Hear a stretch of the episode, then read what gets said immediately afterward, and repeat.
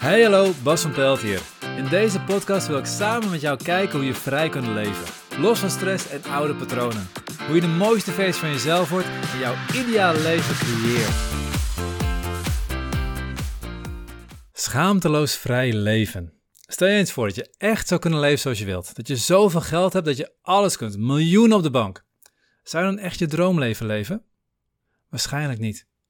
Want heel veel dingen zou je niet doen, omdat je bang bent voor de reacties van anderen, die vinden dat het niet hoort. Maar vooral omdat je zelf vindt dat het niet hoort.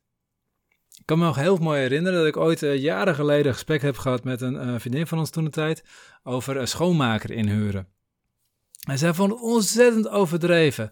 Op een gegeven moment zei ze zelfs, als ik een man tegenkom, op dat moment was ze net een beetje aan het daten met iemand, maar ze zei op dat moment, als ik een man tegenkom die een schoonmaakster heeft, dan is het voor mij geen goede man. Want dan, als je niet goed je eigen shit op orde kunt hebben, als je niet voor je eigen huis kunt zorgen, dan, dan, dan ben je niet goed genoeg voor mij. En dat is prima, dat is een hele mooie gedachte. En ik geloof dat die gedachte inmiddels al lang niet meer heeft. En het is wel interessant om te merken hoe een bepaalde gedachte je beperkt om, om echt je ruimte in te nemen. Om echt lekker te leven. Ik weet van mezelf dat ik opgevoed ben met allemaal oordelen over mensen die het goed hebben. Als je veel geld hebt, dan, dan, dan was je een graaier. Dan had je sowieso geen liefde. Je had in ieder geval geen aandacht voor je gezin. Als je iets grotere auto had, een BMW of Mercedes, dan was je een patser. Of je deed iets wat helemaal niet klopt. Je, was drugsdealer of je deed iets met belastingfraude. maar het kan niet kloppen. Ik weet nog dat de buurjongen verderop, die, die had uh, veel meer speelgoed dan ik. Die had van Transformers, even voor de ingewijden in de Transformers, die had Metroplex en die had Tripticon. Dat zijn echt de twee grootste dozen die er toen waren. Dat waren echt een hele gave. Dat was een soort stad die kon veranderen in, in, een, robot. En, en in die stad, nou, interesseert je waarschijnlijk allemaal niet. Maar dat is mijn achtergrond. Hij had gescheiden ouders. En die beide ouders die kochten speelgoed voor hem. En volgens mijn moeder, die had toen de tijd ook nog wat oudere uh, gedachten daarover, wat beperkende patronen erover probeerde ze op die manier zijn liefde af te kopen. Alsof ze tegen elkaar aan het opbieden waren van wie houdt het meest van het kind, die geeft het meeste speelgoed. Wat leer ik daarvan? Als een ouder heel veel aan zijn kinderen geeft, dan is er iets niet goed. En het grappige was, want ik had van de week een cliënte, die had om een van de speciale reden had een Lego-trein aan een zoon gegeven. En die zoon die riep nu overal dat hij een Lego-trein had gegeven, en had, had gekregen en dat het een cadeau was van meer dan 200 euro.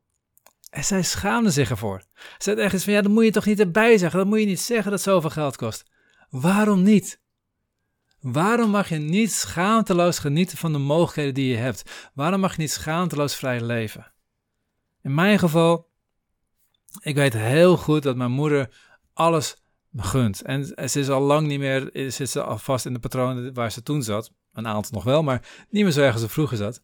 Maar ik ben altijd opgevoed met het idee dat als het echt goed met je gaat, dat je dan een bepaald soort mens bent.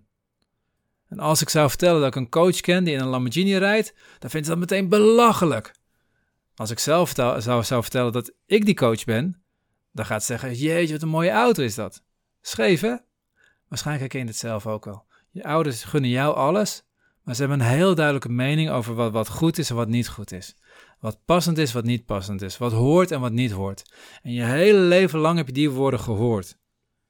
En vervolgens is dat de regel die vaststaat in je hoofd. Want we willen allemaal goed mens zijn. We hebben allemaal een goed menssyndroom. We willen een goed mens zijn en we hebben ideeën over wanneer je een goed mens bent. Die ideeën zorgen ervoor dat jij niet je droomleven gaat leven. Dus zelfs als je miljoenen op de bank hebt, dan doe je niet alles wat je echt wilt omdat je vindt dat het niet hoort. Omdat je vindt dat je niet kunt. Omdat je vindt dat je niet waard bent. Omdat je vindt dat je dat niet aan jezelf mag besteden. Wat voor reden dan ook. Maar het is dus tijd om schaamteloos te gaan genieten. Om schaamteloos vrij te gaan leven. Nou, waar ik nu benieuwd naar ben, en die mag je even voor jezelf echt even tijd voor nemen na deze podcast, is wat zou jij gaan doen? Stel je voor dat je een miljoen hebt. Wat zou jij gaan doen wat je nu niet durft te doen? Laat me even weten in een reactie of, stuur me even een berichtje via mijn Instagram of mijn Facebook, Leervrij Leven. Ik ben heel benieuwd waar jij je nu nog in tegenhoudt, wat echt vrij leven voor jou zou zijn. Schaamteloos vrij leven. Dit was de podcast voor deze week. Ik ben heel benieuwd wat je van deze podcast vond. geef in je app even een duimpje omhoog en laat een review achter. En als je een Android-telefoon hebt, dan hebben de meeste apps geen review-mogelijkheid. Ga dan naar de link in de beschrijving bij de podcast en laat daar een review achter. Ik vind het super als je dat doet, want je helpt ons enorm op die manier om meer mensen te bereiken. Tot de volgende keer en op jouw vrije leven.